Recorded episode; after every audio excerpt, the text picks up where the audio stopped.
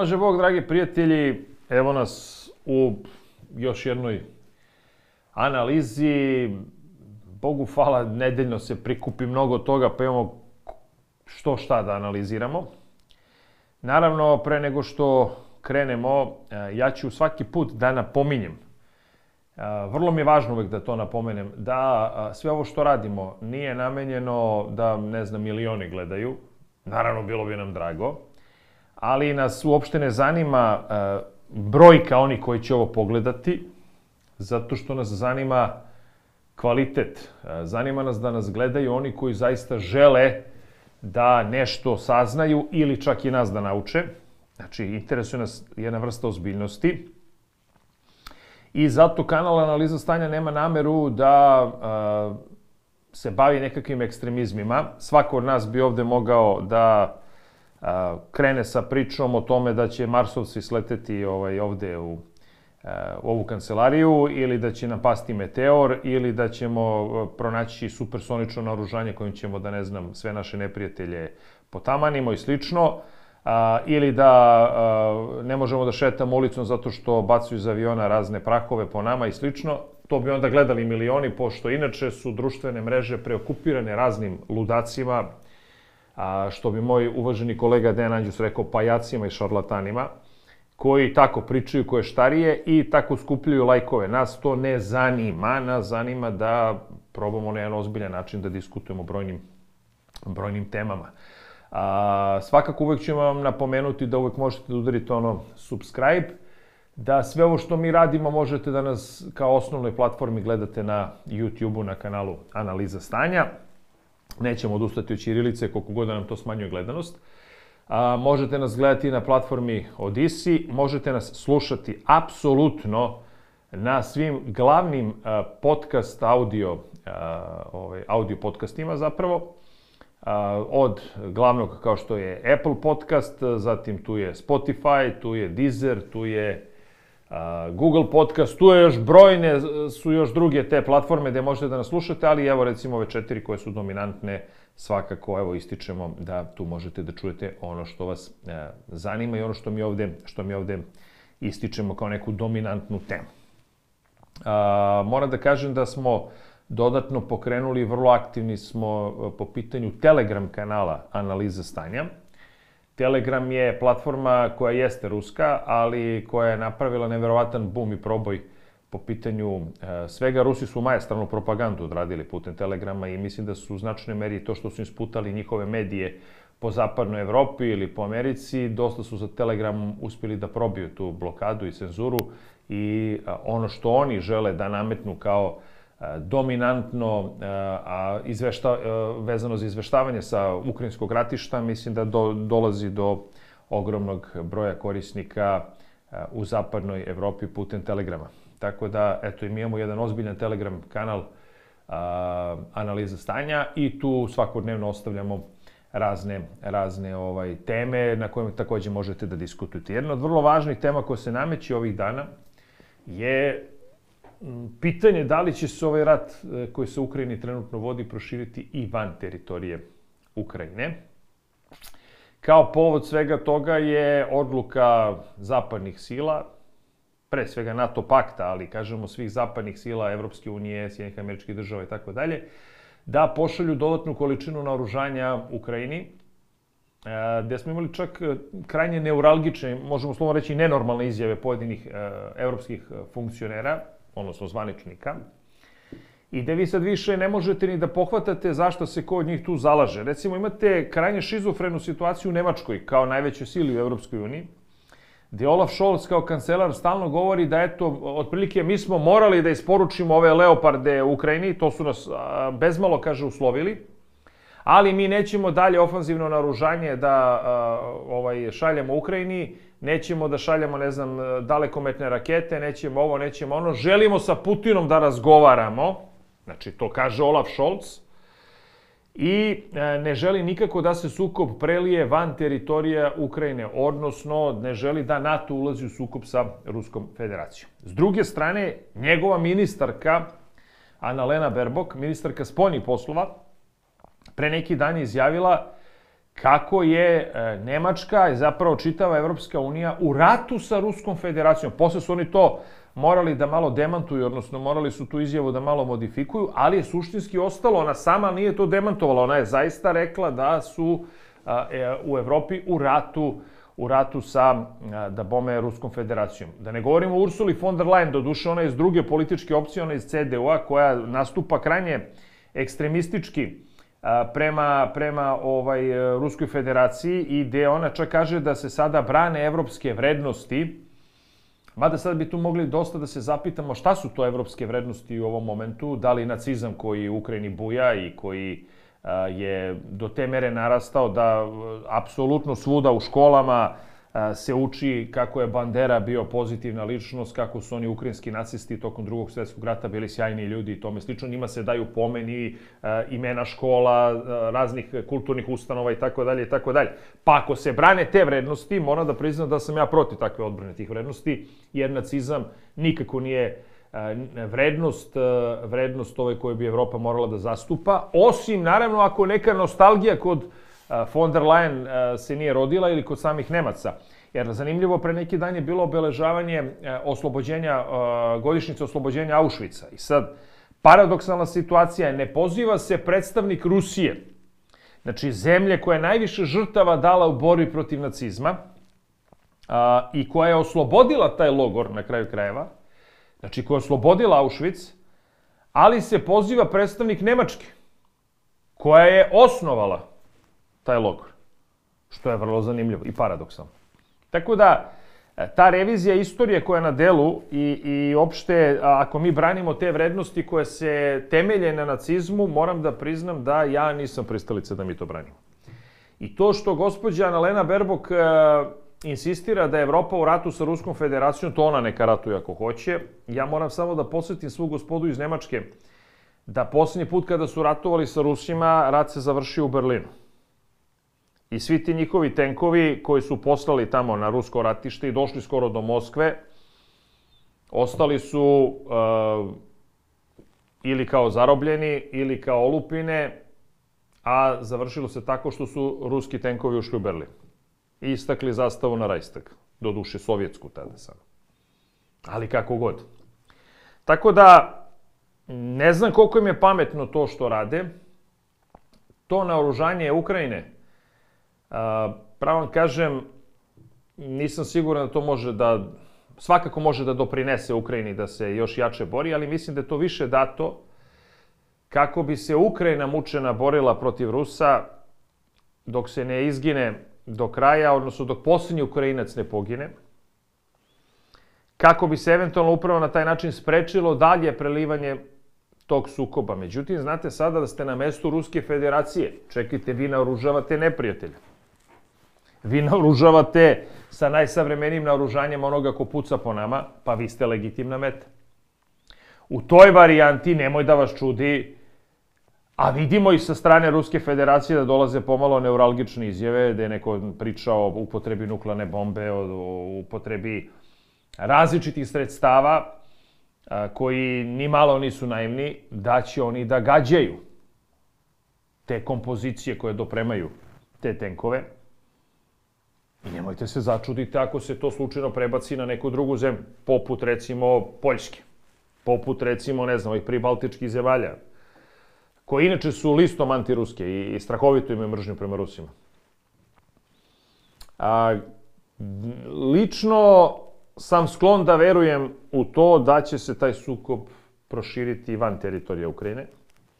Mislim da se ide, čak i e, više niko i ne beži od tog termina, nažalost, koji se upotrebljava sve više i više, a to je termin Treći svetski rat. U Ruskoj federaciji ga najnormalnije upotrebljavaju i kažu da je to već evidentno. Nedavno je Medvedev o tome govorio. I mislim da se približavamo toj apokaliptičnoj situaciji. Vidimo izjave pojedinih američkih generala koji pričaju o glavnom sukobu koji će imati Sjedinje američke države, to je sa Kinom, i vidimo da se tu sve više zaoštrava situacija. Vidjeli smo napade na Iran, koji su se dogodili tokom vikenda, koje najverovatnije, još nema zvanične potvrde, ali izveo Izrael, i to direktno na vojne komplekse Iran, Irana, ovaj, i na njihovu ovu, kako se zove, nacionalnu gardu, koja je čuvar te revolucije.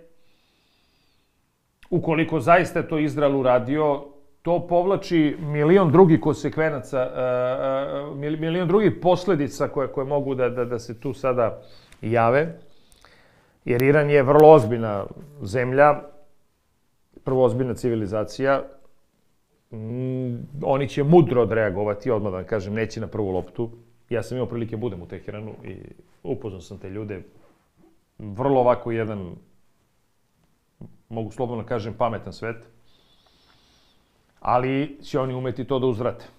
U to nemojte da imate dilemu. Međutim, čita taj prostor Bliskog istoka je lako zapaljiv. Vidimo šta se dešava po Palestini.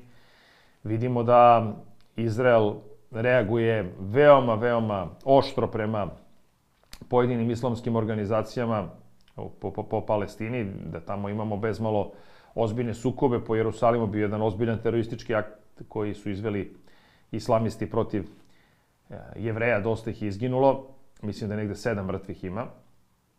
A, da ne kažem da uopšte ako bi došlo do nekog sukoba, sad i tu morate da vodite računa, tu imate strašnu podeljenost među islamskim svetom.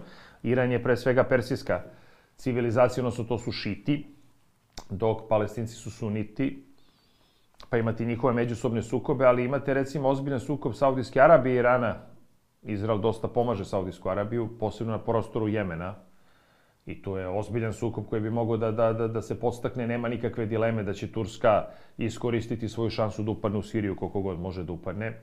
S druge strane, a, imate a, o, ozbiljan, o, ozbiljan krug a, sukoba koji može se pokriti na samom Bliskom istoku, direktno na prostoru Palestine, tako da sve to povećava šanse za ozbiljnim sukobom i da tu nastane jedan potpuni, potpuni cirkus. Naravno, s obzirom da je jasno da je recimo Ruska federacija naručila ogroman broj tih kamikaza dronova baš iz Irana, koji, taj šahid, kako se već zove, e, koji Iran proizvodi, je izvaredan dron, samoubica, koji apsolutno uništava metu i, i vrlo efikasan.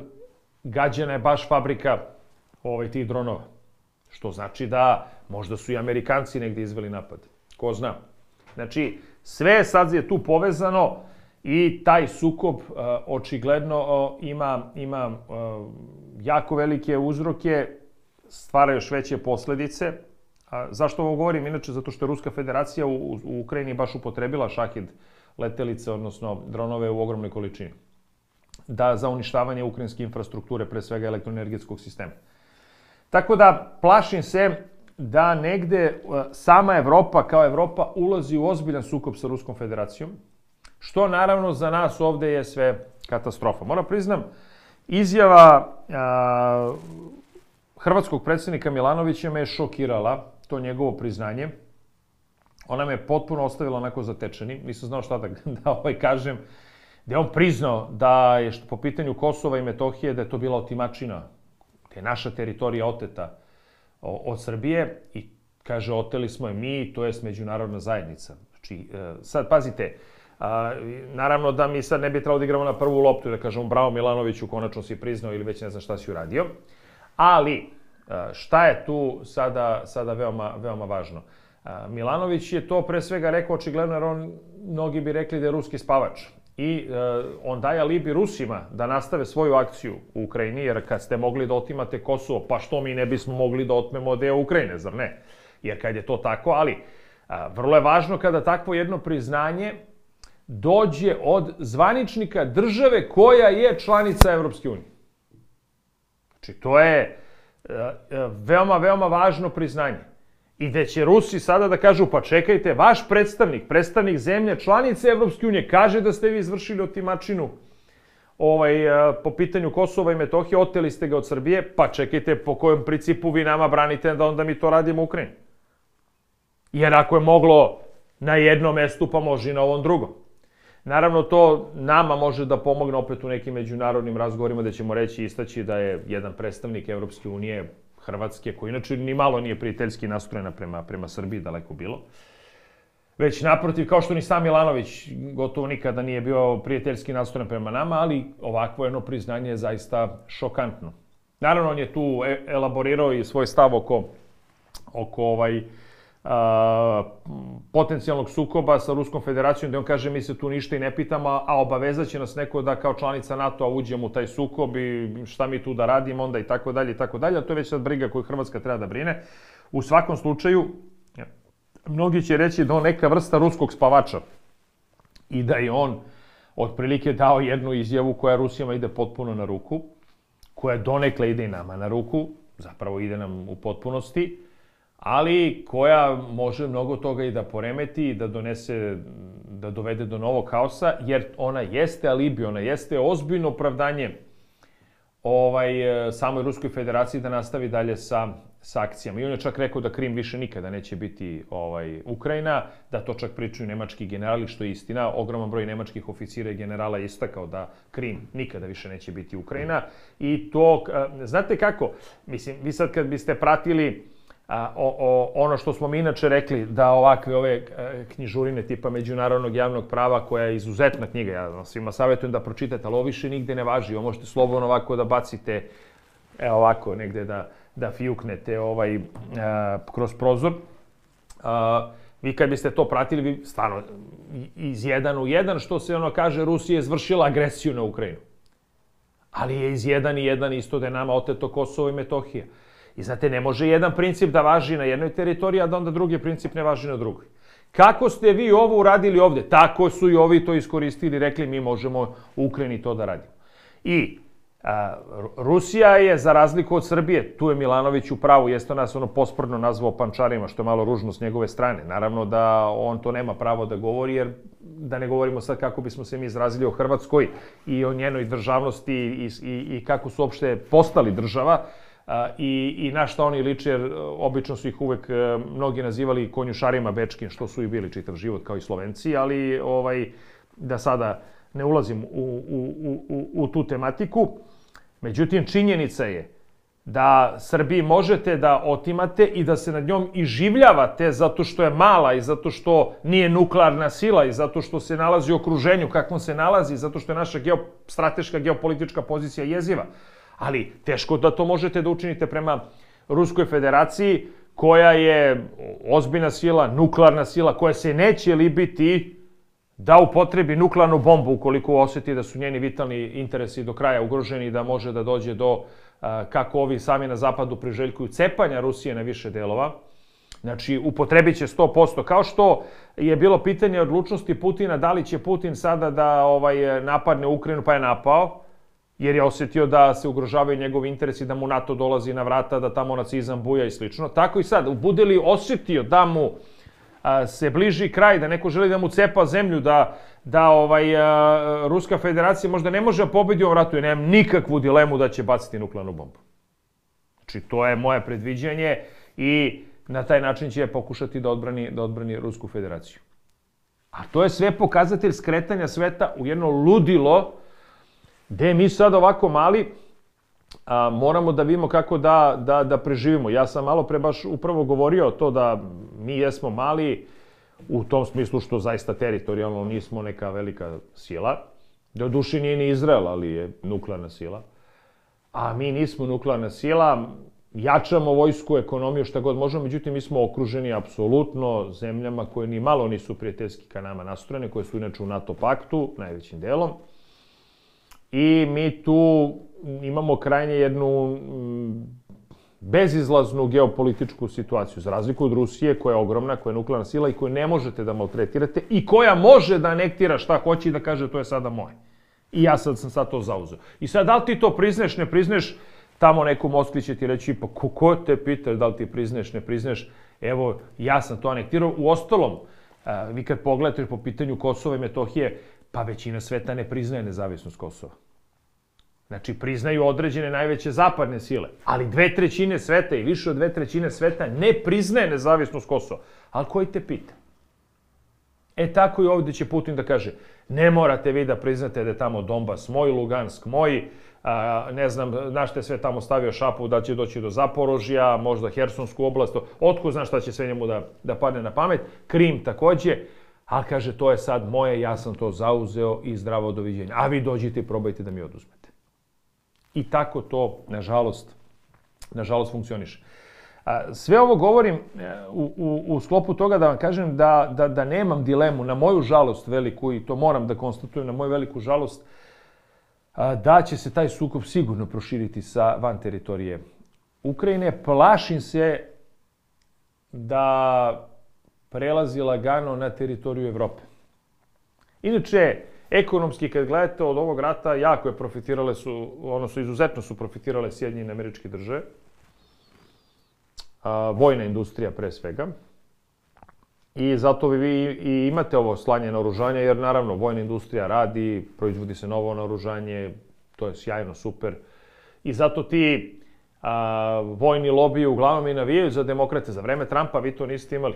Trump je govorio da nigde ne treba da postoji rat. I za vreme Trumpa niste ni imali nigde rat. Zato je, je i srušen. Zato što to nije vojnoj industriji odgovaralo. Nije odgovaralo mnogim drugim industrijama. Između ostalog, ovaj, mnogi kažu da čak farmaceutskoj industriji to nije odgovaralo zato što na vlasti, jer nije baš omogućavao a, da se koje kakvi lekovi, pa i ovo oko covid da to tek tako galopira i slično, on je imao sasvim drugu viziju, ali da sada ne ulazim u to, govorimo ovde pre svega o vojnoj industriji. Kad nema rata, vojna industrija ne radi i u ovoj situaciji, u, zapravo u toj takvoj situaciji, ovaj, Trump nije bio pogodan predsednik. Biden je odličan, jer je započeo ratove i vojna industrija radi. I ko trlja ruke danas i od energenata i od svega Amerikanci, zašto njima nema rata, prodaju energente po nenormalnoj ceni ovim evropljanima suludim, ovakim šizofrenicima poput Lene Berbok, Ursuli von der Leyen i takvim šarlatanima koji danas vode Evropsku uniju. Tu nemate jednog jedinog ozbiljnog lidera, možda Makrona, ali on je nemoćan potpuno.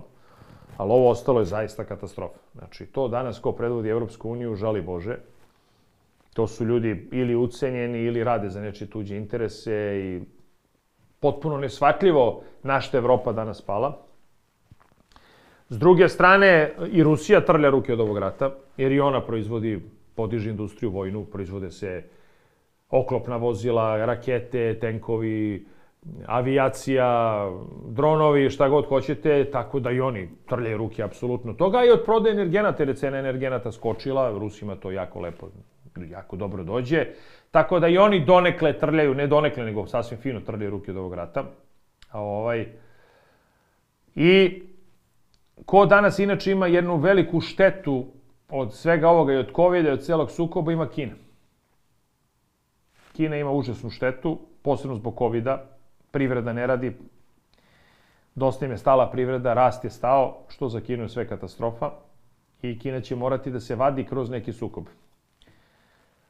Jer ne može više da se... E, oni su otprilike, po nekoj mojoj proceni, išli na tu priču da drže COVID, sve zatvoreno i šta ja znam, upravo da se ne bi mešali u velike sukobe.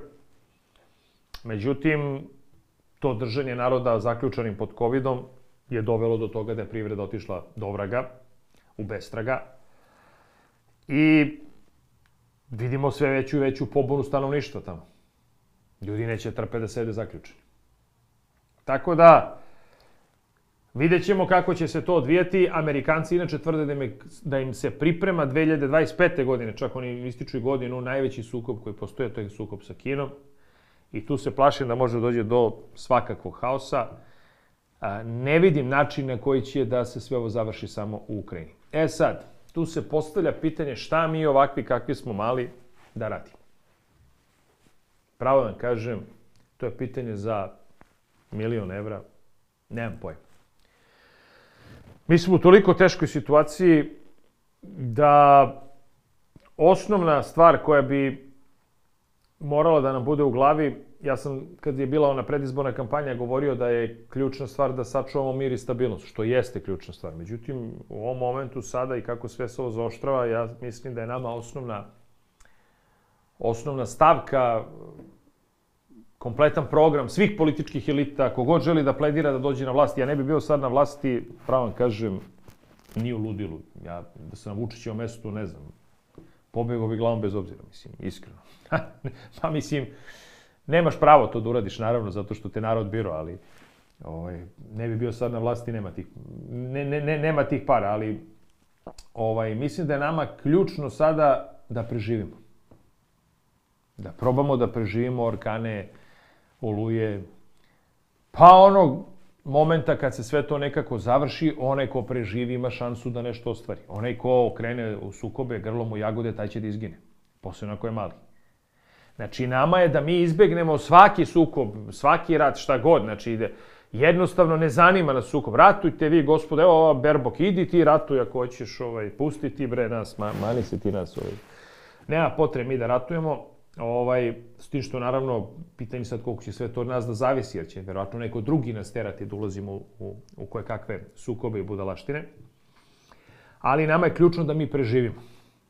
Znači, ne sad više ni, ni da izbegnemo sam sukob, to se podrazumemo, nego da preživimo. A kad preživimo i kad se sve ovo završi, a mislim da ćemo se načekati dosta, je onda da gledamo šta ko sebi će da prigrebi. A to će moći samo onaj ko preživi. Tako da, draga gospodo, gledamo kako da preživimo. Sa svima super. Kažu nama, morate da se opredelite za jednu stranu. Ne moramo ništa se opredeljujemo. Pustite vi to. Mi smo se opredelili da budemo dobri sa svima. E sad, to je sad sve veći problem, naravno, zato što nijedna strana neće da prihvati da si dobar sa neprijateljskom stranom. E, vidite, mi moramo tako. Kao ono u Balkan Ekspresu, ako se sećate, uđu partizani u mesto, oni kažu po starom srpskom običaju piće za oslobodioce. Uđu Nemci po starom srpskom običaju piće za oslobodioce. Tako da i mi tako, sa svima super.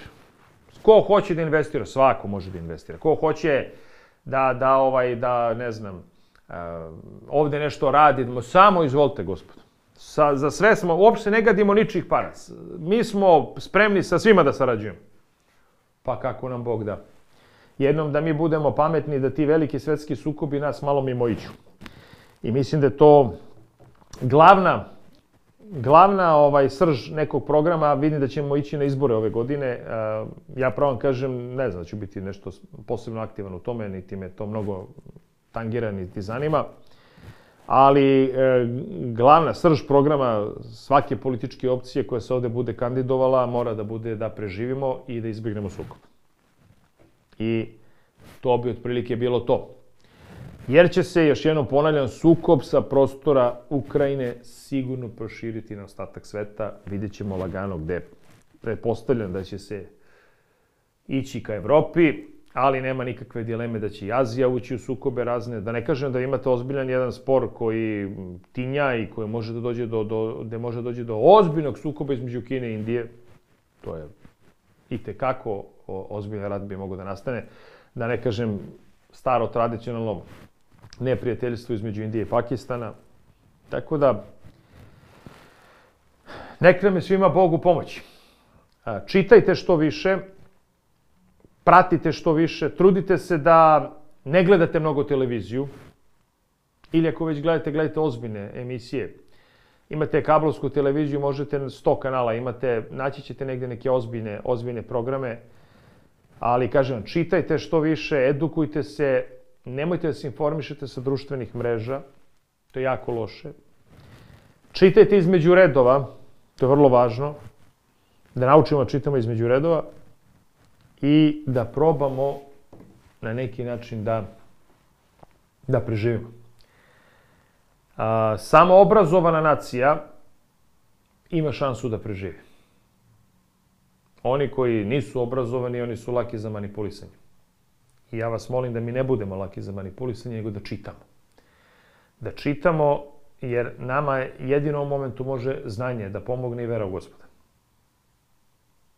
A to znači da upotrebimo mudrost i baš kao u Evanđelju, što je inače patrijarh Pavle najviše volao da citira, da budemo bezazleni kao golubovi, a mudri kao zmije. Svako dobro vam želim i vidimo se u nekom drugom podcastu koji će vjerojatno biti sledeće nedelje.